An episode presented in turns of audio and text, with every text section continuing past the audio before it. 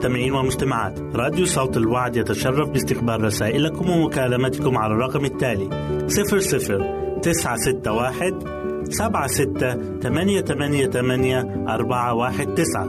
نشكركم ونتمنى التواصل معكم. والسلام علينا وعليكم.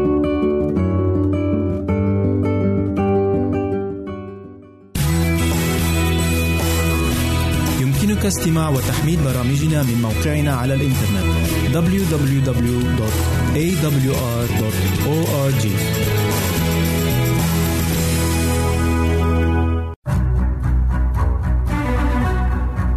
أعزائي المستمعين والمستمعات يتشرف راديو صوت الوعد باستقبال أي مقترحات أو استفسارات عبر البريد الإلكتروني التالي راديو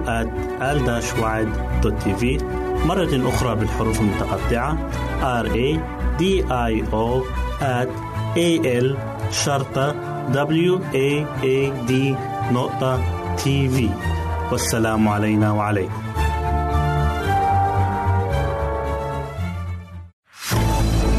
أعزائي المستمعين والمستمعات راديو صوت الوعد لا يكتفي بخدمتكم عبر الموجات الصوتية فقط بل وإنه يطرح لكم موقعا إلكترونيا يمكنكم من خلاله مشاهدة أجمل البرامج الدينية الثقافية الاجتماعية وغيرها من المواضيع الشيقة. يمكنكم زيارة الموقع من خلال العنوان التالي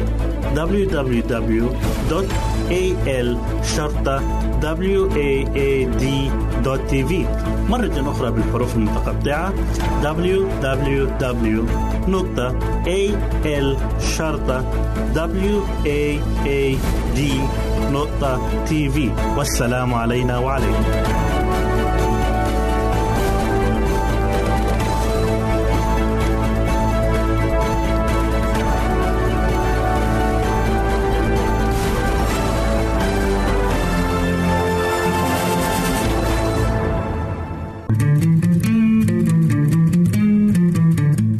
تستمعون إلى إذاعة صوت الوعد.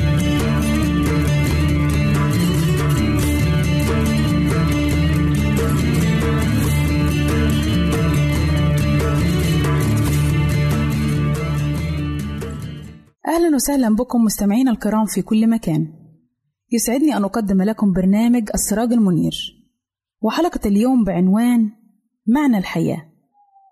يحكى أن فتاة أمريكية منحت في سن صغير من عمرها الدكتوراه الفخرية في الرياضيات لعقلها الفز وتفكيرها الرياضي. ولأن هذا أقصى ما يمكن أن تصله من مرتبة في الرياضيات فقد تحولت للفيزياء.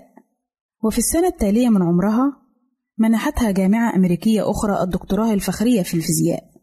ثم تحولت للموسيقى وكانت تعزف سيمفونيات باخ وبيتهوفن بكل سلاسة. دون أن تنظر للنوتة الموسيقية. فمنحت في السابعة عشر من عمرها الدكتوراه الفخرية في الموسيقى. فدخلت إلى الشهرة والمجد العالمي من أوسع أبوابها ووقف لها عظماء العالم احتراما وذهولا وانبهارا بقدراتها الفائقة. ولكن للأسف وجدت في صباح أحد الأيام منتحرة في غرفتها وبجوارها رسالة قصيرة تقول إني أعتذر لكم لكني لم أجد في هذه الحياة ما يشبعني فانتحرت. هذه قصة واقعية حدثت بالفعل في أمريكا، وتذكرنا بما قاله السيد المسيح: كل من يشرب من هذا الماء يعطش أيضا، وهذه الآية موجودة في إنجيل يوحنا إصحاح 4 والآية 13. ولكنه ذكر أيضا طريق الفرح والشبع، إذ يقول: الحق الحق أقول لكم إن من يسمع كلامي ويؤمن بالذي أرسلني فله حياة أبدية ولا يأتي إلى دينونة بل قد انتقل من الموت إلى الحياة. إنجيل يوحنا إصحاح 5 والآية 24 لقد اعتقدت هذه الفتاة أن الانتحار هو الحل ولم تعرف أنه بداية للمشكلة الحقيقية. ألا وهي الأبدية؟ صديقي إن الله لم يخلقك لتتخبط في طريق كثيرة ولا لكي تعيش في جوع وعطش داخلي وضيق في رعب وخوف من المرض والموت والأبدية. بل الله خلقك لأنه يحبك ولأنه يريدك أن تكون في علاقة معه. ولكنك بخطاياك أفسدت ما أراده الله. ولهذا فقد أعد لك الله الطريق الوحيد للخلاص. عن طريق شخص واحد فقط هو الرب يسوع المسيح الذي بدون وجوده في قلبك لن تنجو من الموت. لقد مات من أجلك وأعطاك بموته حياة. اجلس معه وتكلم معه ببساطة وصراحة. كله على كل ما في قلبك. كله أنك محتاج إليه. إنه لم يطلب منك سوى القلب. إذ يقول يا بني أعطني قلبك ولتلاحظ عيناك طرقي.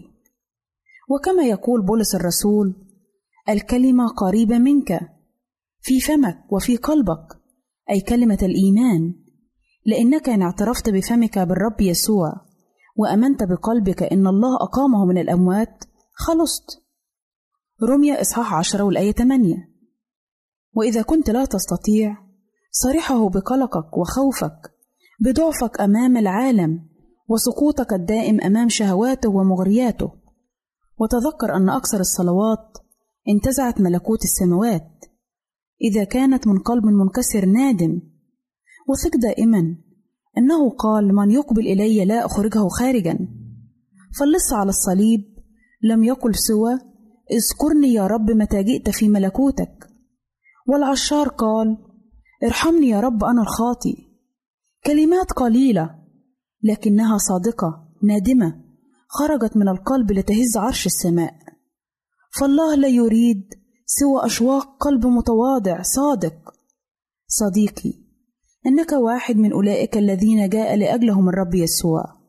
وهو يقول إن سمع أحد أو إن أراد أحد إنه قرارك واختيارك بإرادتك.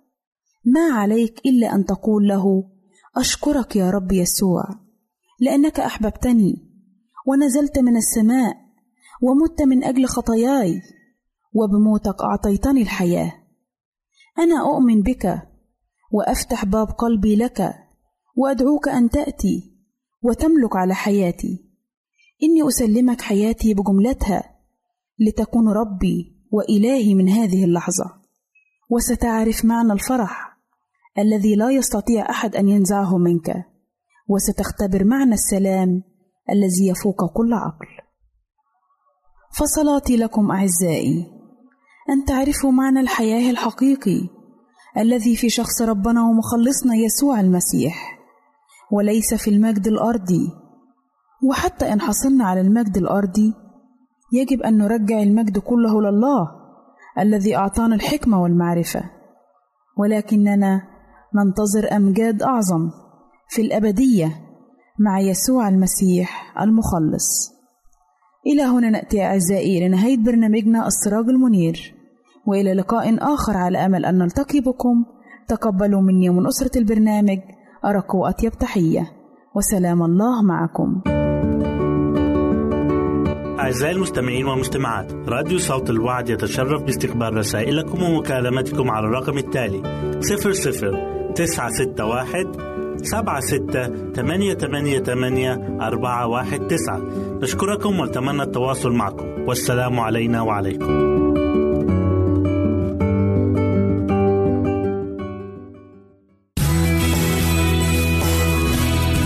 يمكنك استماع وتحميل برامجنا من موقعنا على الإنترنت www.awr.org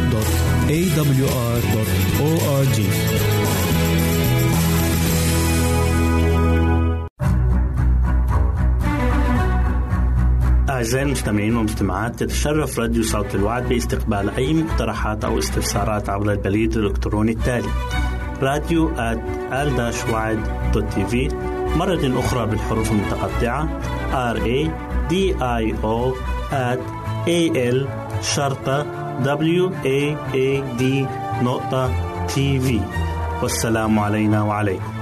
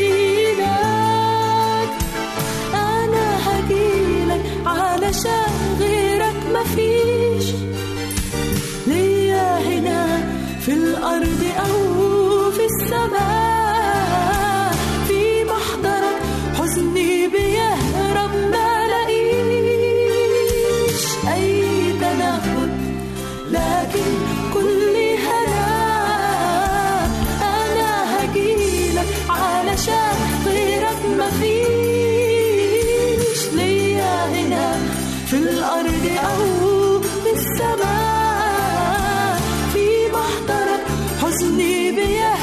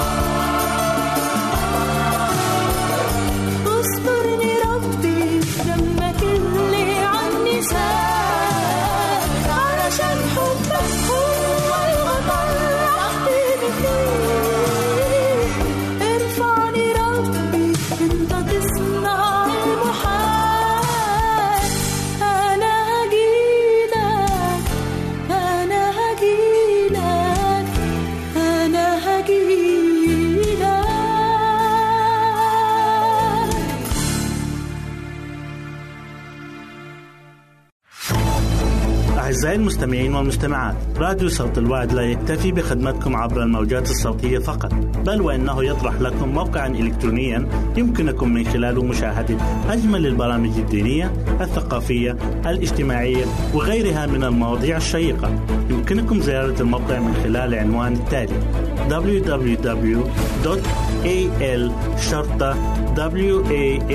www.al-waad.tv مرة أخرى بالحروف المتقطعة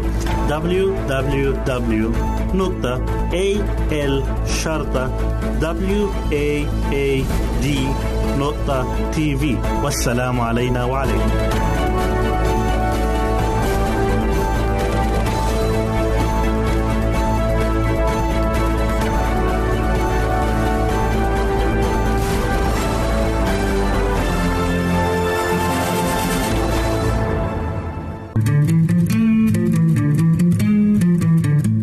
أنتم تستمعون إلى إذاعة صوت الوعد.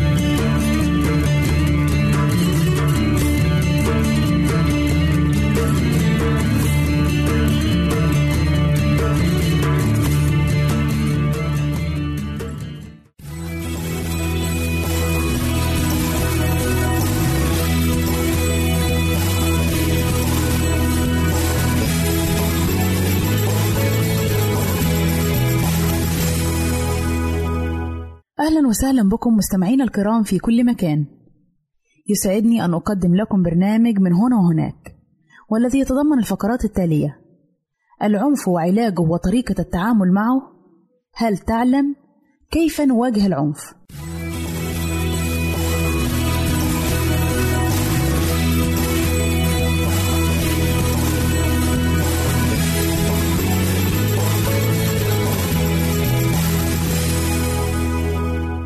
فقراتنا نتكلم فيها عن العنف وعلاجه وطريقة التعامل معه. يعد العنف ظاهرة مست العالم كله، فلا يمكن استثناء دولة باعتبارها خالية من العنف. فما هو تعريف العنف وما أنواعه؟ وما هي الحلول التي يمكن أن تخلصنا منه ومن ضرره؟ لقد شهدت البشرية أحداثا كثيرة من العنف، وقد أصبح العنف سمة من سمات الطبيعة البشرية.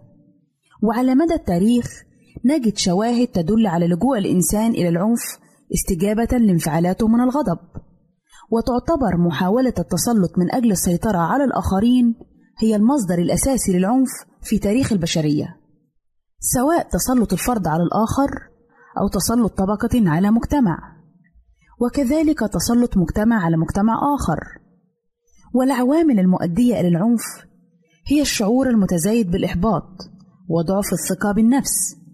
وطبيعة مرحلة البلوغ والمراهقة الاضطرابات والانفعالات النفسية وضعف الاستجابة للمعايير الاجتماعية والعجز عن إقامة علاقات اجتماعية سليمة وعدم القدرة على مواجهة المشكلات التي يعاني منها الفرد والشعور بالفشل والحرمان من العطف وأخيرا عدم القدرة على تحكم الفرد في دوافعه.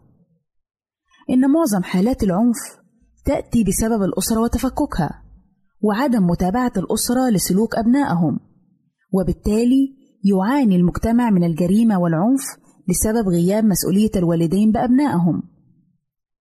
تعتبر الأسرة هي المؤسسة الاجتماعية الأولى المسؤولة عن تكوين شخصية الأبناء من النواحي العقلية والوجدانية والأخلاقية. ترابط الأسرة يوطد العلاقات وتتبادل المحبة بين أفراد المجتمع الواحد وينتهي العنف. إن كل تصرف يؤذي الآخرين سواء كان جسميا أو نفسيا كالسخرية والاستهزاء وفرض الآراء بالقوة والتفوه بالكلمات البذيئة الغير لائقة لمجتمع راقي يعبد الله جميعها أشكال مختلفة لظاهرة العنف.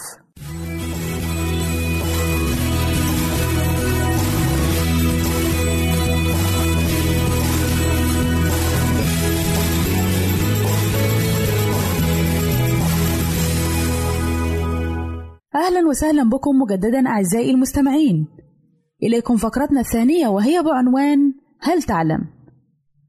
هل تعلم أن الأسرة هي نقطة البداية التي تتركز فيها التدابير الوقائية ضد العنف؟ فإذا ساد الحب والتفاهم والتعاون بين أفراد الأسرة أدى ذلك إلى اجتناب العنف والانحراف. هل تعلم أن سلوك العنف يتكون غالبيته من مرحلة الطفولة المبكرة؟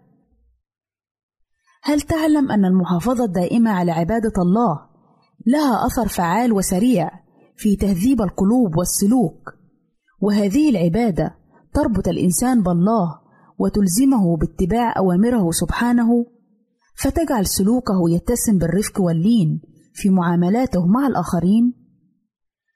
هل تعلم أن الصديق له أثر واضح على صديقه؟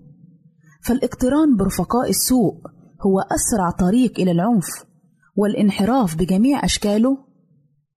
هل تعلم أن العقلانية والرحمة والتفاهم والود تعد قيما حاكمة لسلوك الأفراد وهي أبرز ما يميز سلوك الإنسان عن السلوك الحيواني؟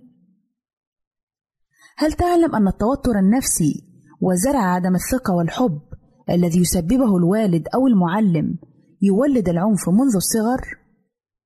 هل تعلم أنه كلما زاد معدل التقدم التكنولوجي زاد معدل ارتكاب الجريمة والعنف وانتشرت بصورة ملحوظة؟ هل تعلم أن العنف ظاهرة مرضية وسلبية تسلمها الإنسان من الأجيال السابقة وأضاف عليها وطورها؟ وأخيرا هل تعلم أن العنف الأسري من أخطر المشكلات التي تواجه المجتمع حاليا والأسرة هي نواة المجتمع فإن صلحت صلح المجتمع وإن فسدت فسد؟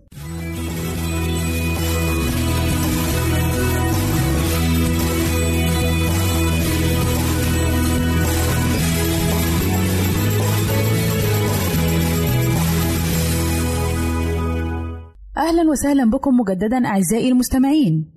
إليكم فقرتنا الثالثة والأخيرة والتي نتكلم فيها عن كيف نواجه العنف. ليس من شك أن العنف أحد المظاهر الاجتماعية المرفوضة بشدة في كل المجتمعات التي تحترم الإنسانية وتقدر قيمة الإنسان.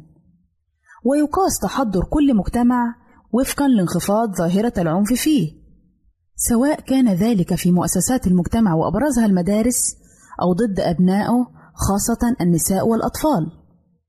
لذلك تسعى المجتمعات المتحضرة إلى مكافحة العنف بشتى الوسائل، وذلك من خلال المؤسسات الحكومية أو المنظمات المستقلة التابعة لهيئات حقوق الإنسان، من خلال حملات التوعية الجادة والمكثفة، ومن خلال الندوات، وأيضا بسن قوانين صارمة تواجه بها تلك الظاهرة التي يؤدي تفشيها إلى انهيار المجتمع وانتشار العداوة بين فئاته.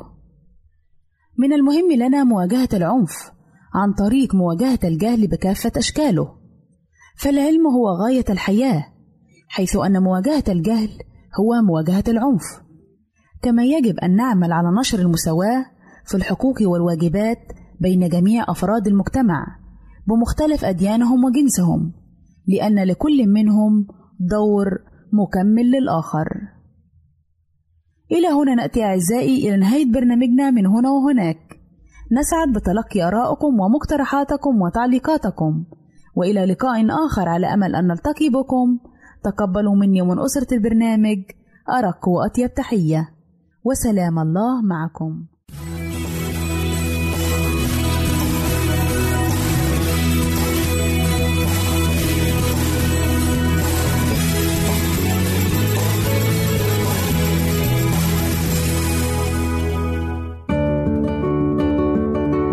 أعزائي المستمعين والمستمعات راديو صوت الوعد يتشرف باستقبال رسائلكم ومكالمتكم على الرقم التالي 00 961 سبعة ستة ثمانية ثمانية ثمانية أربعة واحد تسعة.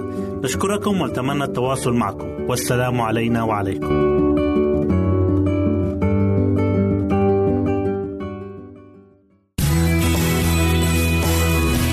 يمكنك استماع وتحميل برامجنا من موقعنا على الإنترنت. www.awr.org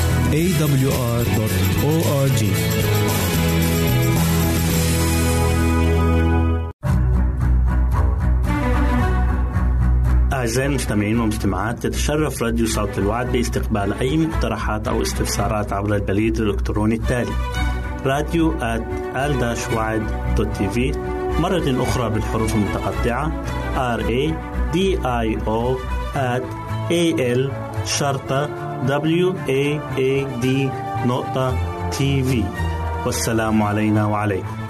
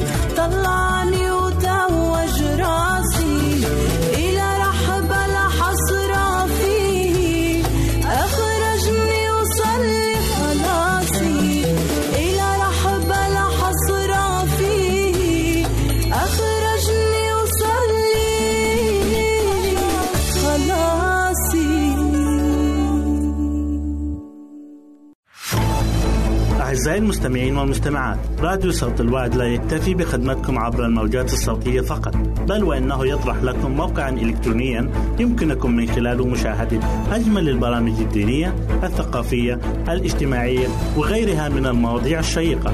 يمكنكم زيارة الموقع من خلال العنوان التالي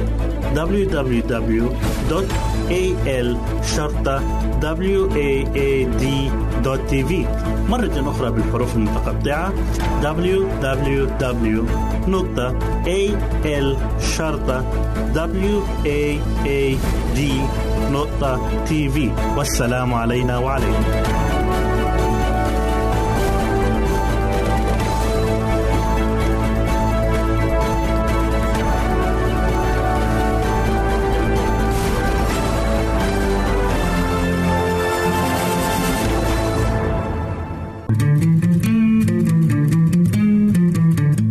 أنتم تستمعون إلى إذاعة صوت الوعد.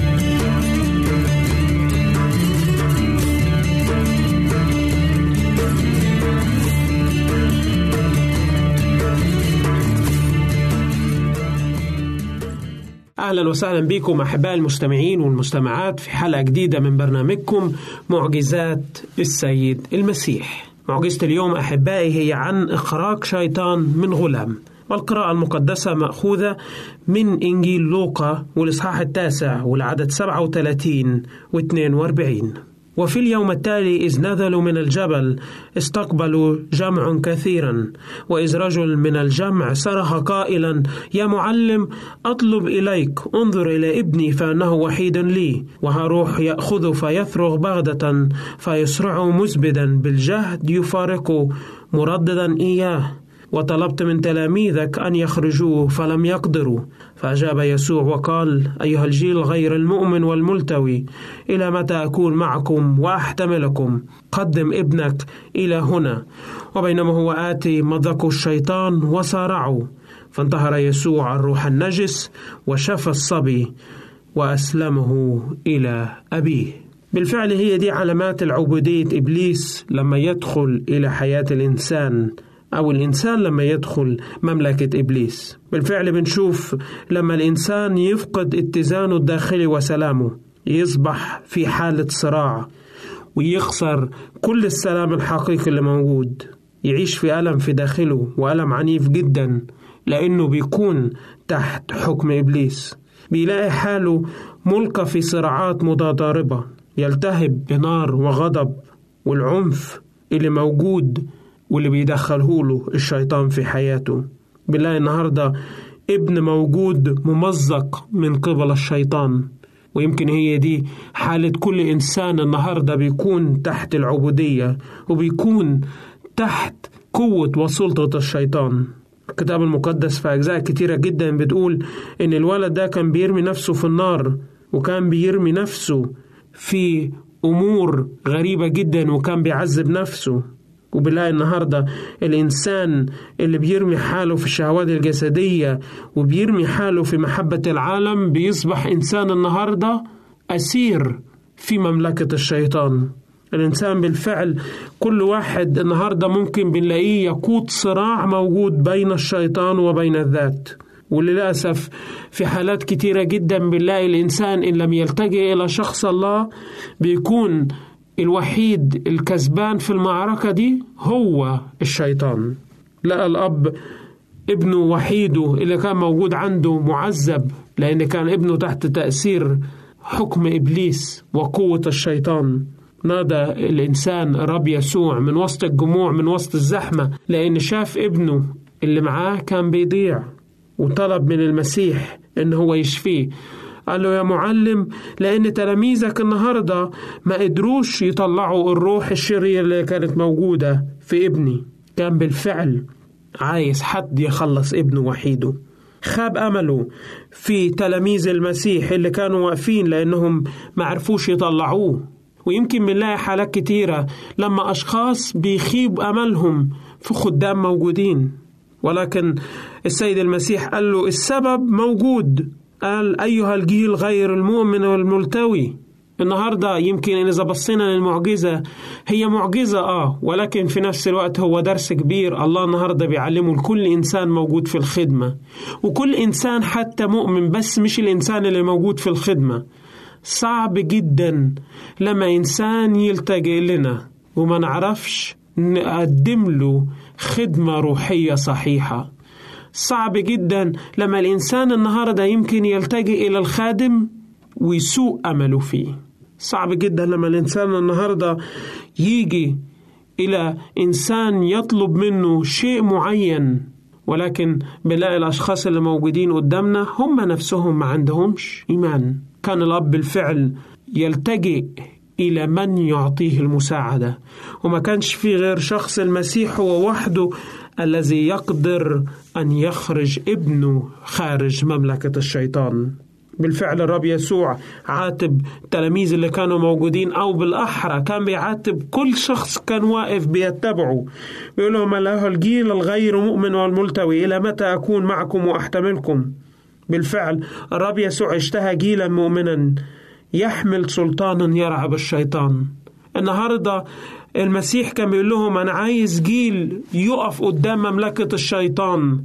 مش إنسان النهارده يجري. مش إنسان النهاردة يخاف ويفشل إن هو يقدم مهمته الروحية وهو أو أي إنسان آخر يكون صياد للناس. كان الرب يسوع في احتياج إلى جيل قوي يقدر يحارب الشيطان. ويمكن بعد الرب يسوع كان على بعض التلاميذ اللي كانوا موجودين ما كانتش بس صدفة ولكن الله النهاردة قال عايزين تعملوا إيه دلوقتي وأنا بعيد عنكم؟ لأن قال لهم في هيبقى في وقت وإنتوا هتبقوا لوحدكم. بالفعل نظر الأب إلى ابنه وشاف إن ابنه وحيده في احتياج إن هو يكون حر من عبودية إبليس. بالفعل لم يلتجئ إلى واحد آخر ولكن التجا إلى شخص المسيح. التجا للمسيح بعدما الآخرين فشلوا إن هم يدوا له المساعدة. فشلوا إن هم يحرروا ابنه من قبضة الشيطان. بالفعل وما فيش غير شخص الرب يسوع النهارده هو اللي هيقدر يحررنا من أي خطية ومن أي عبودية موجودة. يمكن نقدر نقول إن الأشخاص دول أو التلاميذ اللي كانوا واقفين كانوا عايزين يطلعوا أو يخرجوا الشيطان من الابن بقوتهم الشخصية ولكن للأسف ما قدروش يعملوا أي حاجة لأن للأسف الإنسان ضعيف. عشان كده الرب يسوع بيقول بدوني لا تستطيعون أن تفعلوا شيئا. قال لهم بدوني مش هتقدروا تعملوا حاجة. مهما الإنسان قعد يدور ويعمل ويدور ويعمل في أي حاجة هو عايزها إن لم يكن المسيح موجود فيها إن لم يبنى الرب البيت فباطل يتعب البناؤون. إذا ما كانش المسيح النهاردة هو زاوية حياتنا وزاوية فكرنا وزاوية أعمالنا يبقى حياة الإنسان أصبحت باطل وبلا معنى. بنلاقي إن الأب النهارده في المعجزة اللي قدامنا قدم النداء. المسيح قال له جيب ابنك خليني أشوفه. بالفعل النهارده الله عايز كل إنسان مؤمن يتطلع إلى النفوس المحطمة والأسيرة كابنا ليه يقدمها للرب يسوع خلال الصلاة علشان تنعم بالخلاص. النهارده عايزين نصلي من أجل أشخاص هم يمكن يكونوا مأسورين بالخطية. يمكن هم لسه عايشين في مملكة إبليس. ويوم إبليس والعالم مسيطر عليهم في حياتهم. يمكن النهاردة الله بيقول لك لازم أنت أو أنت تصلوا من أجل إنسان الشيطان متحكم فيه والخطية متحكم فيه. بنلاقي إن الرب يسوع النهاردة طرد الروح النجسة من الولد وشفى الصبي وأسلمه إلى أبوه. قال له النهاردة ابنك كان موجود تحت. قبضة إبليس ولكن نزع الله قوة إبليس ووضع قوته مكانه. بالفعل لما نسلم كل ما نمتلك للرب يسوع النهاردة. زي ما الأب قرب ابنه واداه للمسيح ابتدى إن هو يشفيه ويغير حياته. الرب يسوع لما بيخش حياة الإنسان النهاردة بيحرره من عبودية إبليس. بيحرروا من الخطية. وعلشان كده الكتاب المقدس بيقول إن حرركم الابن فبالحقيقة أنتم أحرار بالفعل حررنا المسيح من عبودية الموت ومن سلطان إبليس على خشبة الصليب. حررنا المسيح من حاجات كتيرة جدا موجودة. حررنا المسيح من الخطية اللي كان الإنسان مجبر إن هو يعيش معاها حتى مماته لا جه المسيح وادانا حرية وادانا حرية على خشبة الصليب. بالفعل عجيبة هي محبة السيد المسيح. ففي وسط أعماله الفائقة برر وسمع نداء الآخرين وجه وشفى وأعطى حياة جديدة زي ما شفى الولد لما كان أبوه واقف وسط الجموع وشفاه.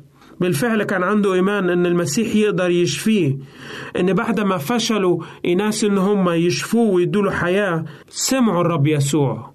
وقال له إذا البشر النهاردة خذلوك إلهنا السماء وما بيقدرش يخذل أي حد لأن هو ده إلهنا المحب. بالفعل الأب صرخ بدموع لإنقاذ ابنه. والله عايز كل إنسان مؤمن النهاردة يصرخ له بالدموع يكلمه بالدموع يأتي إليه مسرعا بالفعل أحب المسيح وجاء إلى هذا العالم منذ البداية وتحمل خطية العالم من أجل كل واحد منا بالفعل زي ما داود بيقول وبالخطية حبلت بي أمي المسيح النهاردة جه يحررنا من الخطية اللي موجودة.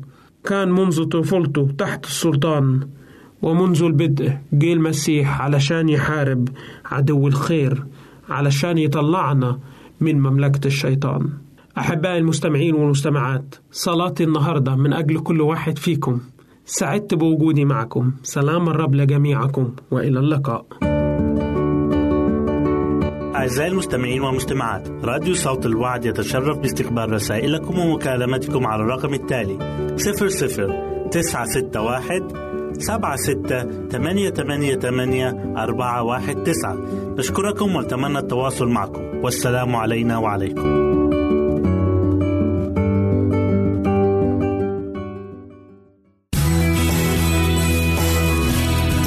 استماع وتحميل برامجنا من موقعنا على الإنترنت www.awr.org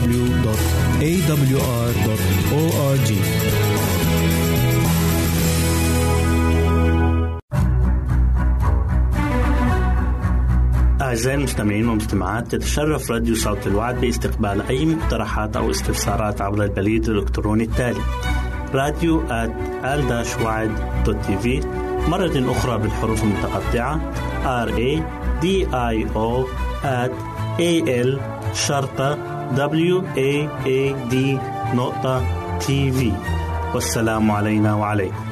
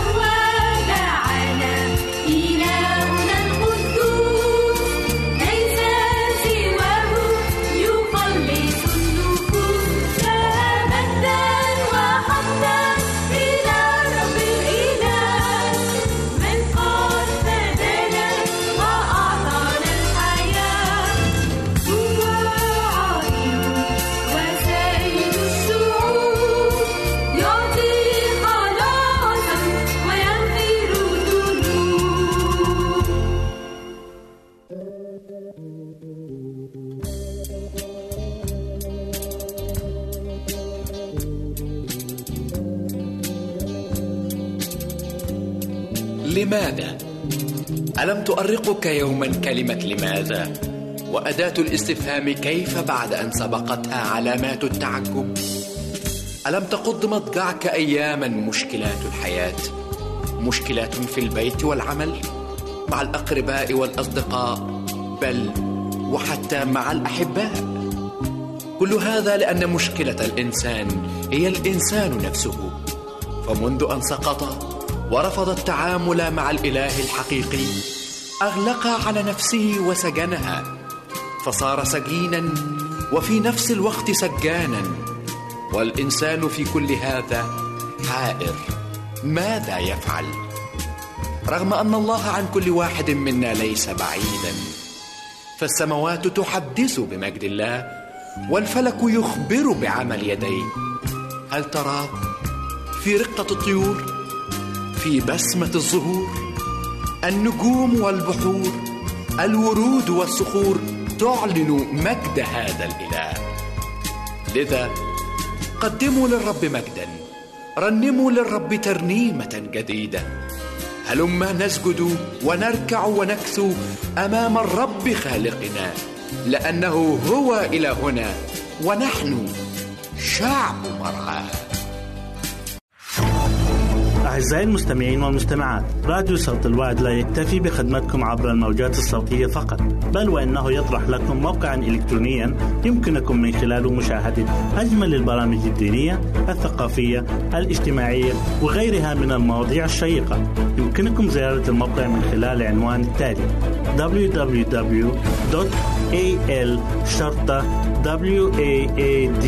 www.al-waad.tv مرة أخرى بالحروف المتقطعة. Www.al-waad.tv والسلام علينا وعليكم.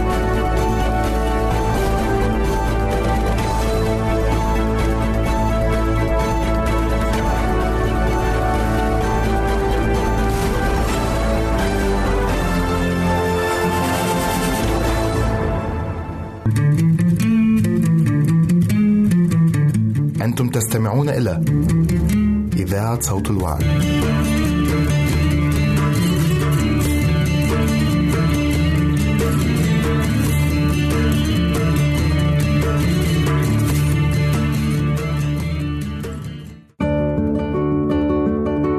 أعزائي المستمعين والمستمعات راديو صوت الوعد يتشرف باستقبال رسائلكم ومكالمتكم على الرقم التالي 00 961 سبعة ستة ثمانية ثمانية ثمانية أربعة واحد تسعة.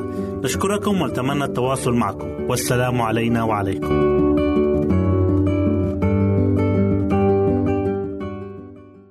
صحتك بالدني عزيزي المستمع الطفل هو هدية السماء للأرض وهو أجمل ما يمكن أن يصل إلى يدي البشر. فهو أثمن من الذهب والألماس فيصح بهم قول الشاعر أولادنا أكبادنا تمشي على الأرض. سوف نبحث في موضوع اليوم نمو الطفل وتطوره. كونوا معنا. يسير النمو والتطور عند الطفل كلاهما جنبا إلى جنب بصورة متوازنة ومتكاملة حيث تترافق الزيادة في كتلة الجسم وحجمه مع تبلور شخصيته ونضوج ذكائه ومقدرته على الحكم والاستنتاج والتمييز. أما في الحالات الغير طبيعية فلا تسير الأمور جنبا إلى جنب. بل إنهما يسيران في طريقين متباينتين مما ينتج عنه بعض العواقب الوخيمة. العوامل التي تؤثر على نمو الطفل وتطوره. اولا الوراثة. إن وزن الطفل وطوله ومعدل نموه غالبا ما يكون متشابها مع الأشقاء والشقيقات. ففي بعض العائلات يكون نمو الأطفال سريعا بينما يكون نمو الأطفال من عوائل أخرى ضئيلي الجسم قليلي الوزن. نتيجة كون أبويهم ضئيلي الجسم قليلي الوزن. ثانيا الحياة داخل الرحم. هناك عوامل مهمة تؤثر على الجنين وهو في داخل الرحم فتؤثر على نموه منها تغذية الأم ولا سيما خلال الأشهر الأخيرة من فترة الحمل. كما أن بعض الالتهابات والأمراض التي تصيب الحامل خلال الثلاثة أشهر الأولى من فترة الحمل وتتناول الأم بعض الأدوية خلال مدة الحمل وتدخينها السجائر كل هذه الأمور تؤثر على حياة الجنين في الرحم. ثالثا تغذية الطفل يتأثر نمو الطفل كثيرا في حالة سوء التغذية الذي يعود سببه إما إلى قلة الغذاء الذي يعطى له أو وجود خلل أو مرض في الأمعاء يمنع امتصاص الغذاء والاستفادة منه كالإسهالات المتكررة. وبصورة عامة فإن وزن الطفل المولود حديثا يتضاعف في نهاية الشهر الخامس في الحالات الاعتيادية ويصبح ثلاثة أضعاف في نهاية السنة الأولى وأربعة أمثاله في نهاية السنة الثانية. عوامل قد تؤثر على وزن الوليد أو الطفل.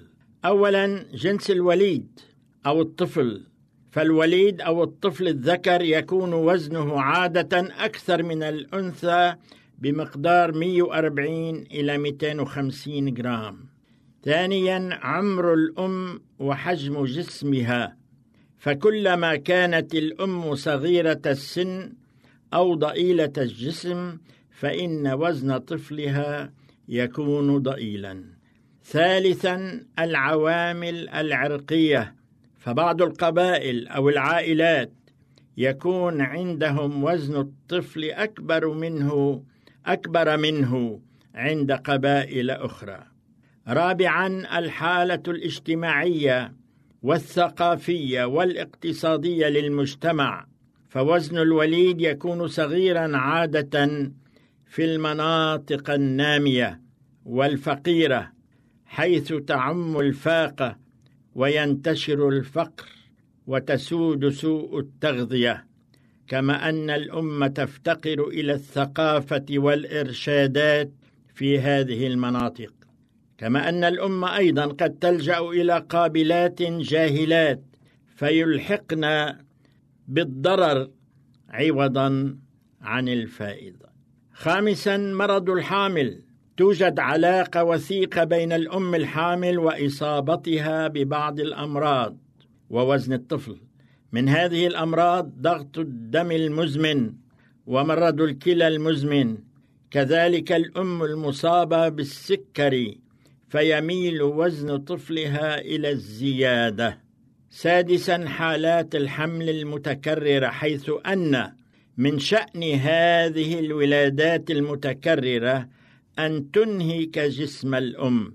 وهذا ما يسبب ولادة الطفل ليكون حجمه صغيرا وهزيلا.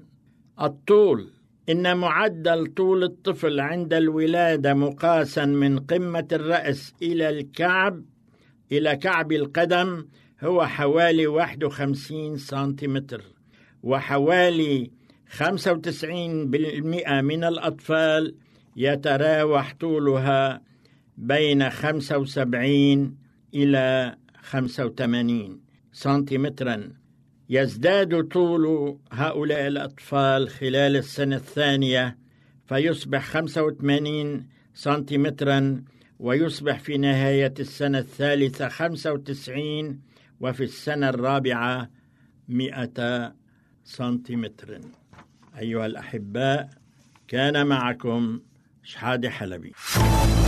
أعزائي المستمعين والمستمعات راديو صوت الوعد لا يكتفي بخدمتكم عبر الموجات الصوتية فقط بل وإنه يطرح لكم موقعا إلكترونيا يمكنكم من خلاله مشاهدة أجمل البرامج الدينية الثقافية الاجتماعية وغيرها من المواضيع الشيقة. يمكنكم زيارة الموقع من خلال عنوان التالي www.al waad.tv مرة أخرى بالحروف المتقطعة www.al